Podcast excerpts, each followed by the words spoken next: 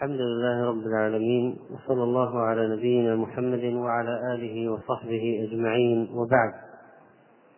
فمن القصص التي قصها الله سبحانه وتعالى علينا في في كتابه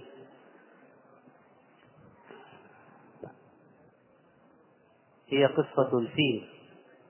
قال عز وجل ألم تر كيف فعل ربك بأصحاب الفيل؟ ألم يجعل كيدهم في تضليل وأرسل عليهم طيرا أبابيل ترميهم بحجارة من سجيل فجعلهم كعصف مأكول.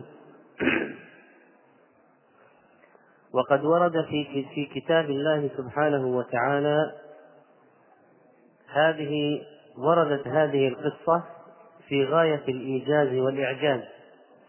وفي السنة النبوية إشارات إلى أحداث من هذه القصة فمن ذلك أن النبي صلى الله عليه وسلم بركت ناقته وهو قاصد مكة للعمرة عام الحديبية. فقالوا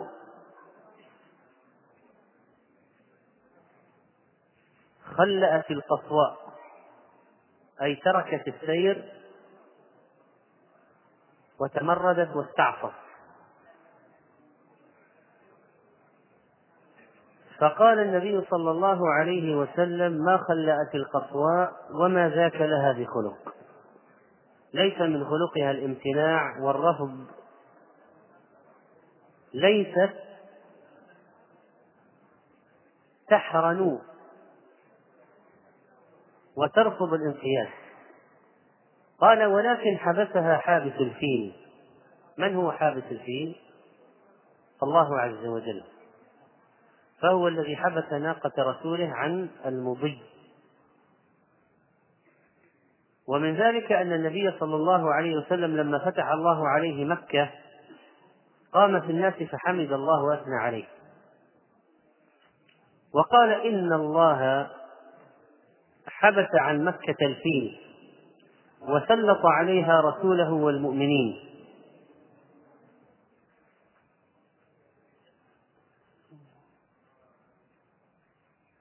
وقد جاء عن ابن عباس رضي الله عنهما عند الحاكم في المستدرك أقبل أصحاب الفيل حتى إذا دنوا من مكة استقبلهم عبد المطلب. فقال لملكهم ما جاء بك إلينا؟ ما عناك ألا بعثت فنأتيك بكل شيء أردت؟ فقال أخبرت بهذا البيت الذي لا يدخله أحد إلا أمن فجئت أخيف أهله. فقال إنا نأتيك بكل شيء تريد فارجع فأبى إلا أن يدخله. وانطلق يسير نحوه وتخلف عبد المطلب فقام على جبل فقال لا أشهد مهلك هذا البيت وأهله.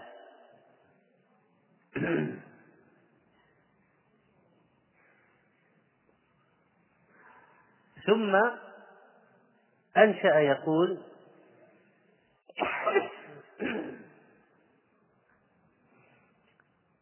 اللهم إن لكل إله حلالا فامنع حلالك لا يغربن محالهم محالهم أبدا محالك اللهم فإن فعلت فأمر ما بدا لك. فأقبلت مثل السحابة من نحو البحر حتى أظلتهم طيرا أبابيل التي قال الله عز وجل ترميهم بحجارة من سجيل فجعل الفيل يعج عجا فجعلهم كعصف مأكول. هذه القصة كانت في عام ولادة النبي صلى الله عليه وسلم.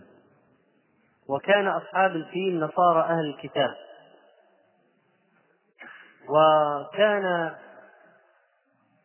أبرهة قد صنع بيتا في اليمن سماه الكعبة اليمانية أراد أن يصرف به الحجاج عن مكة إليه. فخرج اثنان من العرب حتى قدم اليمن. فأحدثا فيها. أي جعل فيها النجاسة ولطخاها فلما بلغ ذلك أبرهة أقسم أنه يأتي البيت العتيق فيخربه.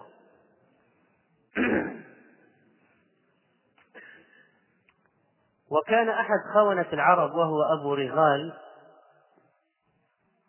تطوع بأن يدل أبرهة أو أجاب طلب أبرهة أن يدله على الطريق إلى مكة. فاعتبر عند العرب خائنا حتى عند الكفر منهم. ولما مات ودفن صار من عادات العرب إذا مروا بقبر أبي رغال رجموه بالحجارة. أي واحد يمر بالقبر يرجمه بالحجارة.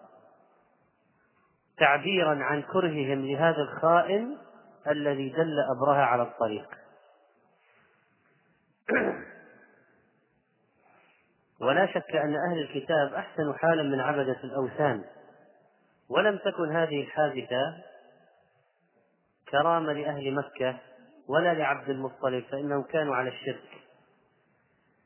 إنما كانت كرامة من الله للبيت العتيق.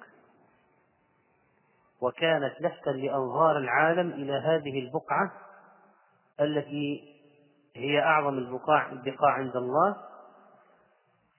ولفتا أنظار العالم إلى هذا المكان الذي يولد سيولد فيه النبي صلى الله عليه وسلم.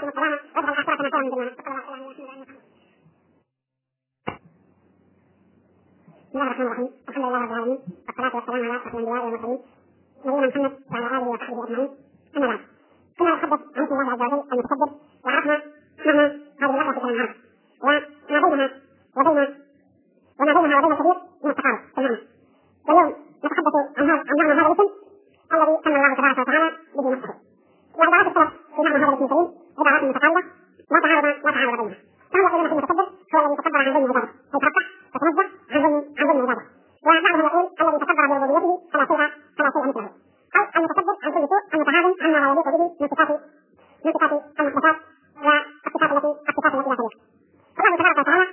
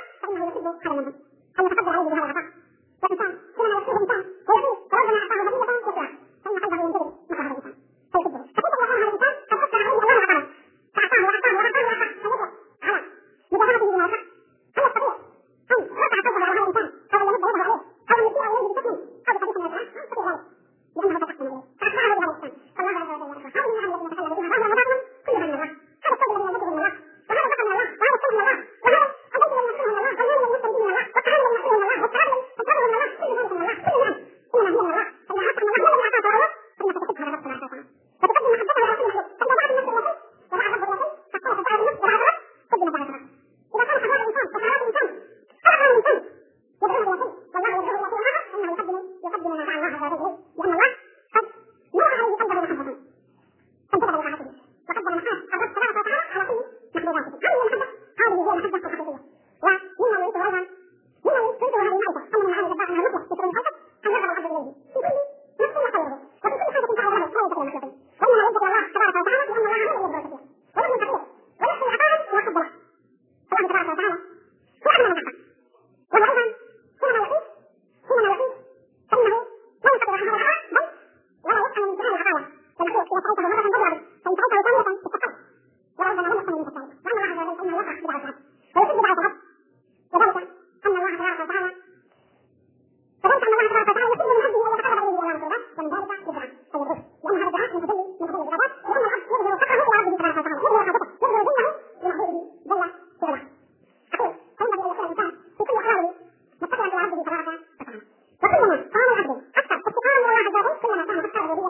Hasta luego.